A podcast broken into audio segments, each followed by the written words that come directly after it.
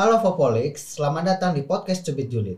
Curhat bersama tentang kebijakan dan isu luar negeri. Nah sebelumnya pertama-tama kenalin dulu nih, gue Jericho dari HI 2022. Nah di sini gue nggak sendiri nih, ada teman gue Gue Dinda dari HI 22 juga. dan narasumber kita. Hai, gue Lintan dari Hubungan Internasional 2021. Oke jadi gini Fox, hari ini kita tuh akan membahas tentang revolusi Iran, hukum hijab, dan kebebasan perempuan di Iran. Nah Fopolis pasti penasaran kan? Makanya denger terus podcast ini sampai habis dan jangan lupa follow akun Spotify Podcast Cubit Julid dan Instagram at FPCI UPNVJ. Jadi kan Fox, kasus Masa Amin itu udah, udah terjadi pada September 2022 lalu yang ternyata menimbulkan aksi protes terhadap ditindasnya hak-hak perempuan dan sewenang-wenangnya pemerintah terhadap perempuan-perempuan di Iran nih. Nah ternyata Amin itu ditangkap dan ditahan oleh polisi moral lantaran dianggap tuh dia tuh melanggar peraturan wajib hijab yang ditentukan oleh pemerintah Iran itu sendiri. Ternyata Masa Amin itu meninggal. Lalu para orang memprotes aksi ini secara besar-besaran. Mereka berpikir kalau kasus ini tuh nggak tidak masuk akal. Masa Amin itu harusnya nggak boleh mati hanya karena dia melanggar peraturan berhijab ini. Memang sebenarnya hukum hijab di Iran ini sudah sangat kuat ya dan sudah diberlakukan sejak lama yaitu sejak revolusi tahun 1979. Nah dalam podcast ini kita akan membahas selengkap-lengkapnya tentang revolusi Iran, hukum hijab, dan kebebasan perempuan di Iran. Nah oke nih, jadi menurut Dinda dan Kalintang itu bagaimana sih pendapat kalian tentang kasus Masa Amini dan protes setelahnya itu? Oke, jadi ini gue duluan ya. Nah, menurut gue ini kasus Mas Amin itu sebagai cermin dari kegagalan wewenang pemerintah sama apalagi polisi moral di Iran karena eh, karena kematian Mas Amin itu dari kemanusiaannya aja kemanusiaannya aja itu udah salah banget gitu loh. Apalagi apalagi eh, dari alasan dia nggak proper pakai jilbab terus eh, ada kasus kekerasan sampai kematian itu kan eh, udah melanggar hak asasi manusia banget. Dan protes-protes setelahnya itu juga menurut gue nggak lebih baik. Karena pas Oktober tahun ini jadi ada cewek namanya Armita juga dia eh, protes itu kan mengenang satu tahun masa Amini ya. Nah dia juga meninggal tahun ini karena tadi karena protes itu. Jadi bahkan setelah satu tahun berlalu menurut gue polisi moral ini belum apa ya belum ada belajar banyak lah dari sisi kemanusiaannya menurut gue gitu. Oke, kalau menurut gue pribadi, karena gue sendiri adalah seorang perempuan muslim yang berhijab, uh, melihat kasus Masa Amini itu sebagai suatu kasus yang sangat disayangkan, di mana seharusnya kasus pembunuhan karena seorang perempuan yang masih menjalani perjalanan spiritualnya dalam uh, hubungan dirinya sendiri dengan hijab itu karena dia nggak dalam tanda kutip nggak proper memakai hijab sesuai dengan aturan yang telah ditetapkan oleh pemerintah Iran mendapatkan diskriminasi kekerasan sampai akhirnya terbunuh di tangan polisi moral.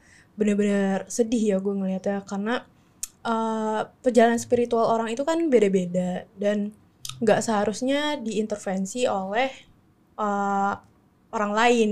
Apalagi kalau diintervensi sama uh, pemerintah. Terus juga uh, menurut gue kasus Masa Amin ini terus juga menurut gue kasus Masa Amin itu benar-benar jadi gambaran uh, dari apa yang sedang terjadi di Iran sekarang. Jadi kakak tuh nggak setuju ya tentang peraturan wajib hijab, apalagi sampai ada polisi moral polisi moral gitu ya? Nggak setuju dong, karena apa ya? Uh, gue melihatnya tuh kayak ketimbang negara mengurusin uh, individual orang lebih baik ya mengurus hajat kebersamaan aja. Karena kan kalau di masa Amini ini jatuhnya kayak mereka nggak pengen buat perempuan memiliki kemampuan untuk memilih pemilih memilih pilihannya sendiri. Jadi uh, gue sangat nggak setuju. Oke. Okay. sama gue juga sih. Jadi kayak dari hak-hak kemanusiaan dengan nama agama dan hukum lagi gitu. Gue kayak gitu jadi itu harus pada hak apa keputusan perempuan itu sendiri iya betul betul, iya. betul, betul. oke kalau menurut kalian tuh kasus Mas Amin itu bagaimana sih jadi memantik gelombang protes terhadap hak-hak perempuan di Iran oke jadi pertama kematian Mas Amin itu nggak transparan sama polisi sama pemerintah Iran jadi mereka bilang kalau uh, kematian Mas Amin itu dari serangan jantung waktu pas di apa di eh, is- di tahanan ya. Oke. Nah tapi sebenarnya itu nggak ada Mas Amin itu nggak ada riwayat penyakit jantung dan udah kelihatan gitu bukti kekerasan di tahanan tersebut dari polisi moralnya. Makanya dari kematiannya aja itu udah nggak adil kan. Apalagi sebelumnya itu dari hukum wajib hijabnya ini itu udah udah terlalu mengikat ya menurut gue. Dan apa kematian Mas Amin itu jadi major event yang ngebuat gelombang protes di Iran gitu loh. Jadi turning pointnya di situ. Oke, terus menurut gue uh, benar kata Dinda tadi, uh, kurangnya transparansi dari pihak kepolisian dan pemerintah Iran ini yang ngebikin salah satu alasan kenapa Masa Amini menjadi pemantik dari banyaknya gelombang protes di Iran.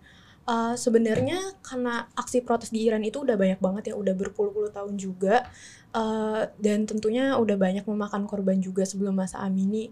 Tapi uh, Mas Amin itu bener-bener jadi kayak sentilan gitu sentilan dari masyarakat buat pemerintah kalau eh lo tuh nggak bener nih kalau lo bohong ke masyarakat Uh, atas dasar apa sih lo pakai bohong segala? Kenapa lo nutupin? Kalau lo tuh membunuh sebenarnya. Kenapa lo bilang kalau bukan gue yang melakukan? Jadi uh, latar belakangnya itu ada cerita dari adiknya Mas Amini. Kalau dia itu lagi jalan-jalan sama kakaknya alias Mas Amini. Uh, sampai akhirnya mereka terpisah. Dan adanya Masa Amini itu uh, mendengar sebuah kerusuhan di suatu gedung. Nah, mungkin karena dia adiknya kali ya dan dia juga merasa khawatir akan keberadaan sisternya, keberadaan kakaknya gitu. What is going on with my own sister gitu kan. Jadi dia berusaha mencari ke gedung tersebut, ketemulah sama polisi di sana. Ini ada apa ini? Eh, Kenapa bisa ada kerusuhan di sini?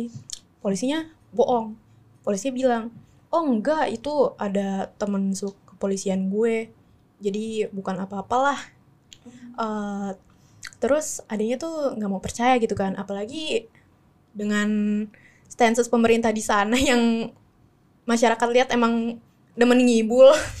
Jadi udah kayak adanya udah bodo amat terus dia dobrak ke dalam. Pas dia nyampe ke dalam ternyata udah ada satu orang yang dibawa oleh ambulans untuk ke rumah sakit. Dan setelah adiknya nanya-nanya sama orang yang ada di gedung tersebut sambil ngasih lihat foto Mas Amin ini kayak nanya "Eh, ini orang yang di yang dibawa ke ambulans tadi bukan? Orangnya kelihatan begini nggak? Ciri-cirinya begini nggak? Ternyata benar kalau itu Mas Amini akhirnya ada yang Mas Amini eh, bareng keluarganya juga ngejemput ke rumah sakit. Terus eh, pas udah sampai di sana uh, lagi-lagi polisinya tuh bohong. Karena uh, mereka bilang kalau Mas Amin itu emang pada sejatinya udah mela- melanggar. Udah melanggar hukum wajib hijab karena tidak mengenakan hijab yang proper uh, maka akan kami berikan sesi sesi edukasi untuk selama satu jam. Setelah itu akan kami kembalikan ke keluarganya lagi sendiri.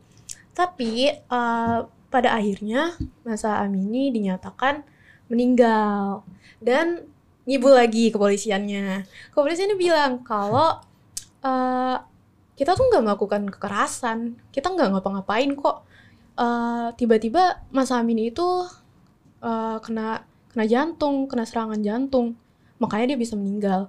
Padahal kalau dilihat dengan mata keluarga sendiri pun Mas Amin itu sekujur badannya tuh warna warna biru, warna ungu alias memar, ruam. Dan juga ada apa ya kayak di kepalanya tuh bekas dipukul gitu loh. Jadi kan nggak mungkin ya kalau serangan jantung larinya ke warna badan gitu sampai ke Iya. Kan harusnya cuman kayak bagian dalam tubuh doang gitu. Ini malah ke bagian luarnya juga. ya. Iya, malah ke bagian luarnya. Jadi emang apa terlihat ada indikasi kekerasan di tubuhnya Mas Amini. Jadi memang udah hukum wajib hijabnya yang terlalu mendiskriminasi perempuan, terus ditambah lagi eh, apa? Polisi yang nggak transparan ya, yang tadi udah Iya. bohong tiga kali Mm-mm. bahkan Iya, tukang lebih. ngibul. Iya, tukang ibu eh, yang tadinya masyarakat udah nggak percaya sama kepolisian dan pemerintah malah makin nggak percaya gitu. Oh, Oke. Oke, berarti kita ngomongin tentang hukum hijab di Iran. Jadi menurut kalian gimana sih awalnya hukum wajib hijab itu diterapin di Iran soalnya eh, dulu tahun 60-an wanita-wanita di sana itu masih metropolitan masih kayak bebas banget lah mau berpakaian seperti apa dan eh, kayak berperilaku seperti apa gitu loh. Jadi gimana itu? Oke, kalau gue ngelihatnya sebagai suatu hal mm, mungkin transisi kali ya dari pemerintah yang kayak tadi Dinda bilang perempuan tuh di sana awalnya metropolitan ya. Bolehlah pakai baju kayak gimana. Nggak pakai hijab juga nggak apa-apa. Bebas mengekspresikan dirinya. Eh, setelah lo mau gimana. Tapi semenjak adanya revolusi Iran pada 1979 mulailah tuh pemerintah menerapkan teokrasi dan juga uh, konservatif. Dari situ mulai adanya hukum hijab dan juga hukum kode etik berpakaian. Uh, lalu juga polisi moral sebenarnya udah muncul dari situ. Cuman yang membedakan itu adalah pada saat itu polisi moral itu bukan suatu official groups yang dibentuk oleh pemerintah. Jadi cuman kayak kelompok-kelompok di masyarakat kayak apa ya? Mungkin kalau kalau di sastra kita bisa disebut sebagai grammar Nazi kali ya, tapi ini hijab Nazi gitu. Nah. Terus eh, lambat laun pemerintah yang konservatif eh, akhirnya meresmikan adanya kelompok tersebut atau polisi moral pada sekitar tahun 2005 pada masa kepresidenan siapa gitu gue lupa. Eh, terus eh, dari situ malah makin makin tuh polisi moral.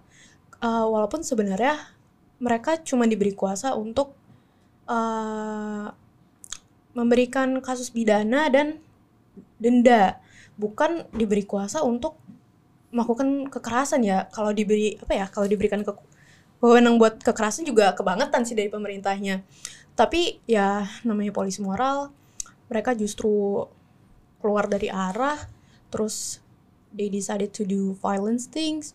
Uh, mereka melakukan tindakan kekerasan terutama pada perempuan yang dianggapnya nggak pakai hijab itu nggak sesuai sama peraturan yang udah diatur sama pemerintah lo lo ini udah udah ngelanggar nih. Jadi lo bisa gue tonjok.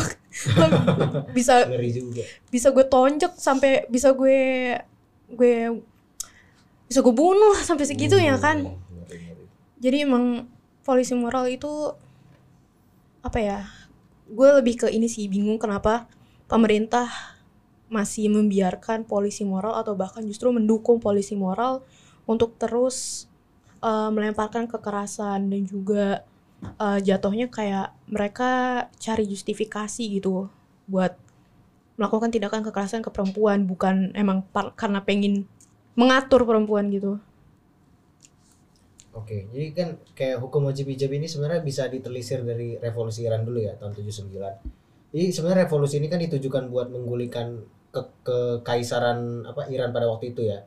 Yang pada waktu itu dianggap sebagai kekaisaran yang otoriter, diktator, tapi yang seharusnya dari keluar kandang macan masuk kandang kucing, jadi keluar kandang macan ma- masuk ke Iya. kandang singa. Jadi Sama sama-sama aja. sama aja Malah gitu. raja hutan gitu jadi Iya, ketemunya. malah, malah sama aja jadi kayak pemerintahan yang baru tuh Ayatollah Khomeini itu malah menerapkan kebijakan-kebijakan yang sangat-sangat diskriminatif bahkan mengkriminalisasi mengkriminalisasi perempuan hanya karena dia tuh nggak pakai hijab udah apa ya udah banyak protes juga kayak protes damai tapi ternyata tidak membuahkan hasil karena direpresi juga protesnya sama pemerintah itu pemerintah Khomeini nah jadi sejak 1983 perempuan dari berbagai kalangan termasuk yang non muslim pun wajib mengenakan hijab di ruang publik. Jadi pada awalnya kewajiban berhijab ini tuh sebenarnya buat muslim doang kan? Mm-mm. ternyata pada tahun 83 direvisi lagi menjadi seluruh perempuan tanpa memandang identitas agamanya gitu Itu parah banget sih Itu- menurut aku. Itu sebenarnya benar-benar nggak masuk akal karena kan aturan hijab emang buat perempuan yang udah balik gitu kan. Tapi kenapa tiba-tiba jadi semua perempuan gitu? iya bahkan di gereja itu ada perempuan berhijab kan jadi bingung banget kenapa lu di gereja berhijab ternyata mereka harus mentaati peraturan wajib hijab ini Iya. atau enggak kayak kena kena Iya, kayak Mas ditonjok. Gitu ditonjok sama polisi moral sampai mati mengerikan Iya. sekali sih memang itu parah banget sih apalagi udah nggak memandang agama gitu kan hukum wajib hijab ini. Terus eh, polisi moral itu juga power abuse makin ke sini jadi mereka merasa udah punya kuasa terus kayak ya mau kekerasan mau itu mereka seenak-enaknya. Dan sama pemerintah Iran itu mereka nggak beri nggak ngasih sanksi kan ke polisi moral. Mau mereka apa mau ngapain aja juga dibiarin. Jadi jadi ya udah kayak eh, apa kayak ini negatif terus ada negatif lagi negatif lagi di suatu itu yang sama ini menarik soalnya kayak kalau misalkan pemerintah Iran itu udah menerapkan uh, peraturan wajib hijab buat seluruh perempuan di Iran jatuhnya mereka juga gak menghormati uh, kebebasan untuk memilih untuk memilih beragama gak sih Iya benar. kayak uh, jatuhnya bener-bener di satuin semuanya jadi untuk menaati satu peraturan yang di yang ditetapkan oleh pemerintah padahal kan harusnya kalau kayak gitu mementingkan seluruh kepentingan masyarakat ya Iya. betul betul jadi benar-benar tidak benar-benar tidak mementingkan kepentingan masyarakat Betul. Oke, jadi kita lanjut. Nah, ketika ketetapan ini berlaku, gimana sih eh, respon masyarakat masyarakat lokal dan internasional setelah diberlakukannya hukum ini? masyarakat internasional dalam melihat kasus masa Amini ini dan juga merespon kasus masa Amini ini people went furious about it. They do not feel happy at all. Kayak orang-orang heran gitu kenapa ya? Kok bisa sampai segininya? Perihal hijab. Yang mana orang-orang hmm, juga mikir ya kalau Masa Amin itu nggak salah. Masa Amin itu nggak deserve untuk dibunuh karena dia nggak memakai hijab yang proper. Eh, terus juga masyarakat internasional akhirnya ngomongin hal ini di media sosial terutama apalagi di Twitter sampai ada trending di Twitter atau X kali ya. Lupa Iya. lagi gue. Di Gue X juga itu. masih nyebut Twitter sih. ya kalau Twitter aja lah. Sampai di Twitter tuh trending dan juga Mas Amin kan sebenarnya kasusnya tahun kemarin 2022 tapi sampai sekarang masih diomongin sama orang-orang masih diomongin sama kita. Dan juga orang-orang nggak akan melu- nggak akan mau untuk melupakan ma- kasus masa Amini ini Eh, terus juga em, sebenarnya kasus masa Amini ini ada banyak pandangan gitu di dalam masyarakat internasional gue pernah lihat eh, di TikTok. Jadi di TikTok ini ada video kalau perempuan ini di abuse gitu sama sama siapa ya? Sama kakak laki-lakinya kalau nggak salah. Kalau dia di abuse di keke, apa menerima tindakan kekerasan cuman karena dia nggak pakai hijab terus dia videoin buat challenge video TikTok gitu Oke. Nah, eh, terus pas gue cek komennya, pas gue cek komennya, justru malah banyak orang-orang yang setuju gitu kalau that woman deserve to be to get beaten just because she didn't wear her hijab. Dan gue malah jadi kayak, loh, kok serem ya? Iya sih. Karena eh, kenapa jadi kayak dibolehin untuk menerima tindakan kekerasan gitu? Kayak Hmm, sangat disayangkan sih karena seharusnya bisa menjadi suatu hal yang menyadarkan masyarakat ya bukan jadi suatu hal yang memperkuat stance suatu orang terhadap hal tersebut. Oh, Gitu. Jadi itu kayak mempengaruhi masyarakatnya juga gak sih? Jadi lebih kayak eh oh nggak pakai hijab nih ini ya udah boleh-boleh aja kalau dikasih kayak pukulan atau apa gitu. Jadi ada beberapa orang yang menganggapnya seperti itu, justru menangkapnya tuh jadi larinya ke sana. Jadi menormalisasi. Iya, Jadi betul. nasional kayak gitu ya. Mm-mm. Jadi gimana jar kalau lu jar? Kalau gue sih memang masyarakat lokal di Iran sendiri sih emang udah protes ya, udah dari lama sebenarnya protes tentang hal ini. Dan komunitas internasional tuh juga protes juga. Kayak misalnya nih, sekelompok ahli dari PBB itu menyatakan kalau rancangan undang-undang itu tuh dapat digambarkan sebagai bentuk apartheid gender atau pengkriminalisasian gender ter- terutama perempuan ya. Jadi masyarakat internasional terutama dari Dewan PBB, Dewan yang pe- keperempuan-perempuanan itu pengen apa ya menyerukan penghapusan wajib jilbab ini dan menempuh jalur hukum supaya apa ya ada pertanggungjawaban gitu dari pejabat Iran yang memerintahkan merencanakan bahkan melakukan pelanggaran hak asasi manusia terutama hak asasi perempuan yang emang meluas dan sistematis gitu terhadap perempuan-perempuan di Iran. Dan sebenarnya dari 79 itu memang masyarakat di Iran itu sudah protes. Jadi semenjak hari pertama wah, hukum jilbab itu bahkan dari rancangannya itu udah diprotes juga, bukan hanya oleh perempuan tapi oleh laki-laki juga dan ada 10.000 perempuan bergabung dengan laki-laki yang protes tentang hal ini. Dan pada 2018 juga itu presiden Iran pada waktu itu melakukan penelitian atau survei gitu tentang kewajiban wajib jilbab ini. Ternyata setengah dari masyarakatnya tuh me, apa menyerukan kalau peraturan hijab ini harusnya nggak ada dan hijab itu menjadi pilihan masing-masing. Jadi nggak boleh diintervensi oleh negara atau orang lain. Pokoknya itu menjadi pilihan perempuan jadi hanya boleh perempuan yang menentukan dia mau berhijab atau enggak tidak boleh ada pihak lain yang mengintervensi pilihan perempuan itu sendiri gitu. Oh iya juga uh, ngomong-ngomong tentang masyarakat Iran yang melontarkan aksi-aksi protes, uh, Mas Amin ini juga menjadi pemantik dari slogan mereka ya Oh iya, yang slogan woman mereka. life Life freedom. Uh, jadi uh, terus juga uh, beberapa bulan yang lalu uh, Uni Eropa tuh memberikan penghargaan ke Masa Amini sebenarnya. Oh iya, Iya, jadi uh, diberikan penghargaan freedom of thought atau kebebasan untuk berpikir. Nah, uh, tadinya rencana awalnya itu keluarganya Mas Amini pengen pergi ke sananya ke Uni Eropa untuk mengambil penghargaan tersebut, tapi lagi-lagi nggak dibolehin sama pemerintahnya, sama pemerintah Irannya. Jadi masa apa keluarga keluarga Mas Amini nggak diizinin buat ngambil penghargaan tersebut dan akhirnya ya udah tapi sebenarnya itu kayak eh, Mas ini dikasih penghargaan setelah dia eh, udah meninggal itu agak ironis ya.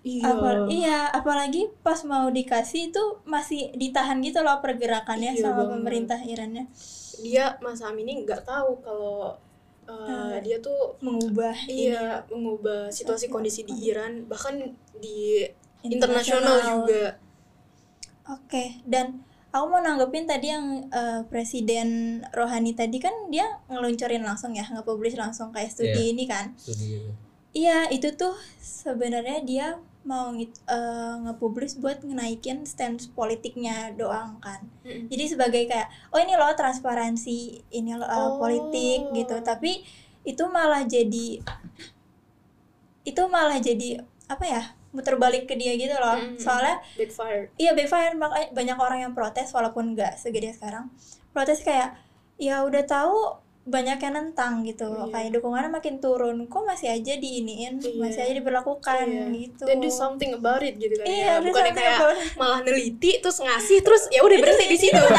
Sini? Iya penerapannya apa gitu? Kita aja kalau bikin skripsi kan ditanya Iya. tujuannya tuh apa? Oke jadi ini kan udah banyak ya yang protes dari eh, masyarakat lokal maupun internasional. Nah menurut kalian nih apakah protes tentang kasus Mahasa Amin ini dan hukum hijab ya eh, ini dapat mengubah dinamika sosial politik dan rezim di Iran. Gue melihatnya eh, sangat bisa untuk mengubah sosial politik dan memang seharusnya diubah sih sama rezim eh, harus diubah rezim Iran yang sekarang itu. Karena ya nggak membawa sebuah keuntungan bagi Iran. Kayak emang dengan memperlakukan hukum hijab begitu dan diskriminasi kayak gitu fungsinya buat mereka apa sih emang naikin ekonomi negara Emang naikin kesejahteraan masyarakatnya? Enggak kan? Justru malah bikin masyarakatnya makin nggak percaya sama pemerintahnya.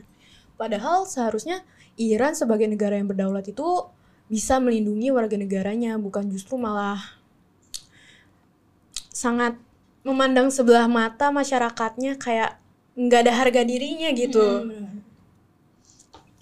Kalau menurut gue juga bisa ya dirubah dinamika sosial politik itu tapi susah banget. Karena pemerintah Iran ini pemerintah yang super duper konservatif. Iya. jadi bukan hanya presiden dan parlemennya tapi kan ada di atasnya lagi tuh supreme leadernya yang Khomeini itu kan. Kolot itu semua ya. iya itu sangat sangat konservatif. Jadi apalagi setelah berbagai protes ya malah anggota parlemen itu sangat mendukung apa ya bukan mendukung lagi tapi membuat rancangan undang-undang hijab yang baru lagi. Jadi yang nggak pakai hijab itu bisa dipenjara 10 tahun itu sangat ngeri banget. Dan yang mendukung peraturan itu tuh ada 175 orang. Sementara yang menentang itu cuma 49 jadi mayoritas parlemen Iran itu mendukung peraturan yang lebih keras lagi lebih ketat lagi. Padahal setengah masyarakatnya pun udah menolak peraturan wajib hijab itu bahkan. Itu gila sih. Soalnya kan seharusnya sebagai parlemen berpihak ke masyarakat dan menyuarakan apa yang masyarakat butuhkan ya. Hmm. tapi ini dia malah bukan dukung lagi tapi dia lagi yang bikin Iya, gue rasa dia takut sama supreme leadernya itu sih yang paling atas. Jadi- Bukan takut sama iya. rakyat. Eh, nurut-nurut aja ya Nurut-nurut. Iya, dan daripada dia yang kena gitu jadinya jadinya itu lebih kayak mentingin kepentingan kelompok parlemennya aja gak sih jadi Iya. bukannya iya bukan ngituin rakyat lagi dan gue nggak ngerti kenapa mereka masih netapin hukum hijab ini karena soalnya citra mereka di internasional kan jadi makin buruk So- Betul. iya Betul dilihatnya banget itu. iya dengan globalisasi ini dengan yang kayak kita kan mengangkat ham besar-besaran Iya. gitu kan iya citra mereka itu malah makin kok mereka malah ngekang warganya sendiri sih kayak gitu jadinya Betul banget, apalagi sekarang kan jatuhnya negara tuh pada berlomba-lomba gitu ya untuk menye- mensejahterakan hak asasi manusia masyarakatnya. Tapi kenapa kalau di Iran kasusnya malah kenapa lo jadi nggak ngehargain ham gue sama sekali? Iya. Kenapa lo nggak berusaha? Jadi backward ya, jadi Iya. terbelakang banget. Iya malah jadi regress gitu. Iya. Oke, jadi kali lagi nih ada gak sih eh, stance terakhir dari Kalintang sama Kak J- Jamal Jeriko? Kalau di gue sih gue tetap mendukung hak hak perempuan di Iran ya. Tapi gue rasa hak hak hak perempuan di Iran itu bakal terpenuhi sepenuhnya kalau rezimnya itu runtuh. Jadi harus ada Iya. revolusi kayak tahun 1979 lagi, revolusi yang lebih besar lagi, seluruh rakyat wajib ikut. Jadi pemerintahnya itu bisa turun. Dan gua rasa setelah pemerintah turun tuh jangan kayak tahun 79 lagi malah masuk ke kandang singa Iya, lagi iya. kan. Dia tuh harus benar-benar memperhatikan hak hak perempuan dan mendukung hak hak perempuan itu supaya lestari. Jadi jangan sampai regress gitu. Kalau perlu dinaikin hak hak perempuan itu. Gue Gitu. setuju. Eh rezimnya ini berarti harus apa ya bener-bener diubah gitu ya. Iya. Tapi justru kalau begitu, apalagi dengan sistem supreme leader sama parlemen begitu, ntar bukannya keluar dari kandang singa malah masuk ini nih kandang naga. Jangan sampai ya. Jangan sampai kayaknya kayaknya kalau kayak gini butuh ini juga gak sih dukungan dari internasional untuk Oh. membantu penegakan hak asasi hak asasi manusia terutama hak hak perempuan di Iran sana. Betul-betul jadi betul kayak intervensi dari masyarakat internasional juga. Iya. Terus menurut gue juga, gue melihat kasus masa Amin itu uh, sebagai suatu hal yang krusial bagi diri gue, karena uh, ngomongin pengalaman pribadi ya sebagai seorang perempuan di Indonesia, uh, gue cukup merasa terlindungi sih karena uh, gue bisa pakai hijab dengan emang keinginan gue sendiri, bukan karena dipaksa sama pemerintah dan juga walaupun gue belum mengenakan proper hijab, gue bisa masih jalan dengan tenang gitu di uh, di luar sana. Kalau coba bayangin kalau misalkan kalian lagi jalan-jalan gitu, terutama ini yang perempuan ya, berlaku buat perempuan. Lu lagi jalan-jalan nih, lu pengen lu pengen nge-mall. Terus tiba-tiba pas lu di jalan, lu di, di- lu disamperin sama polisi, polisi moral. Uh, terus lu dibilangin, "Eh, kok kerudung lo gitu?" lo udah melanggar peraturan pemerintah nih lo gue tonjok ya itu kan nggak lucu ya kan benar-benar apa ya menggambarkan situasi yang menyeramkan gitu Iya betul betul.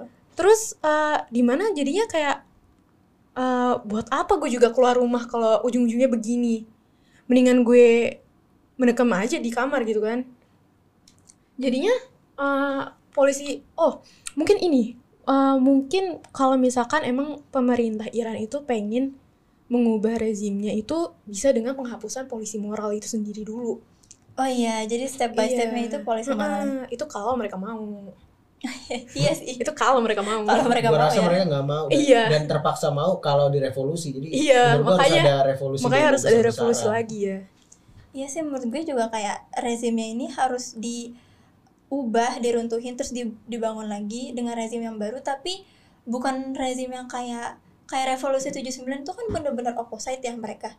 Hmm. Dari si Kan itu sama si siapa tis? Siapa kemarin? Kome, kome ini. Iya sama Khomeini ini kan bener-bener beda. Tapi jadinya sam- malah kayak gimana ya sama-sama buruk juga gitu loh. Jadi Iya. menurut gue yang rezim yang disesuaikan sama sama national interestnya aja nggak sih national interest dan berpihak sama masyarakat Mm-mm, gitu berpihak sama sama masyarakat. masyarakat kayak Pokoknya gitu cara berpakaian laki-laki perempuan tuh ya keputusan mereka aja nggak usah diatur-atur sama negara gitu. Iya, Iya. nggak perlu dibuat undang-undangnya, Iya, nggak perlu alay dibuat unit kepolisian buat. iya buat memantau itu semua kan Iya, iya menurut gue kayak selama lu aware dari sa- sa- apa sama kewajiban lu sebagai uh, umat beragama ya udah biarin aja sisanya itu uh, kewajiban masing-masing gitu loh. Urusan dia sama Tuhan ya? Iya. Perjalanan spiritual masing-masing orang. Terus juga eh, ngomong-ngomong unit kepolisian, gue jadi baru keinget kalau eh, pemerintah Iran itu mengeluarkan unit kepolisian perempuan, jadi polisi moral perempuan. Eh, yang mana asumsi gue itu mereka mikirnya pemerintah Iran tuh mikirnya kalau misalkan yang ngelakuin tindakan kekerasan ke perempuan itu perempuan juga, jadi bisa di, di dijustifikasikan karena Karena- gendernya Iya, iya. Jadi karena karena bukan laki yang nonjok ya seharusnya nggak apa-apa dong. Padahal kan seharusnya nggak gitu ya. penunjukan itu sama-sama salah ya. Iya. kekerasan tetap kan- kekerasan Mm-mm. Permasalahannya itu bukan di siapa, tapi permasalahan itu apa yang dilakukan. iya betul betul betul betul jadi eh aku simpulin ya jadi Hmm. bisa disimpulin di sini tuh kayak hukum hijab di Iran itu sangat mengikat apalagi akhir-akhir ini itu udah berujung ke kekerasan dan bahkan sampai kasus kematian masa Amini Iya. tadi nah hukum wajib hijab ini tentunya udah banyak diprotes dari masyarakat Iran sendiri maupun internasional tapi kalau yang kita lihat nih realitas realitasnya mungkin protes ini masih punya perjalanan panjang untuk merubah sosial politik apalagi rezim Irannya sendiri ini. Jadi harus di eh, diruntuhin terus dibangun lagi. Nah menurut kalian gimana nih Fapolik apakah hukum wajib hijab ini tuh necessary atau atau perlu dihilangkan aja? Pokoknya semua opini itu kita apa opini masing-masing ya pasti bakal dihargain Iya, gitu ya. Freedom of speech. freedom of speech woman life freedom Nah, kita sudah tiba di penghujung podcast. Terima kasih nih kepada Jericho dan tentunya Kak Lintang sebagai narasumber yang udah apa ya, udah meluangkan waktunya di podcast kali ini.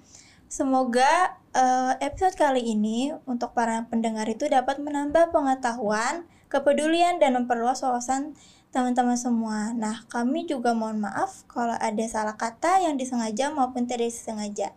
Sampai bertemu di episode podcast Cubit Juliet selanjutnya, yaitu tahun depan di 2024. Jangan lupa untuk follow Instagram dan Spotify FVCI UPNVJ untuk terus keep up sama kita ya. Terima kasih. Bikin so, untuk Dadah. ini aja. See you next year for Polix. Oke. Ini ya. See you next year for Polix. Dadah. Dadah. bye bye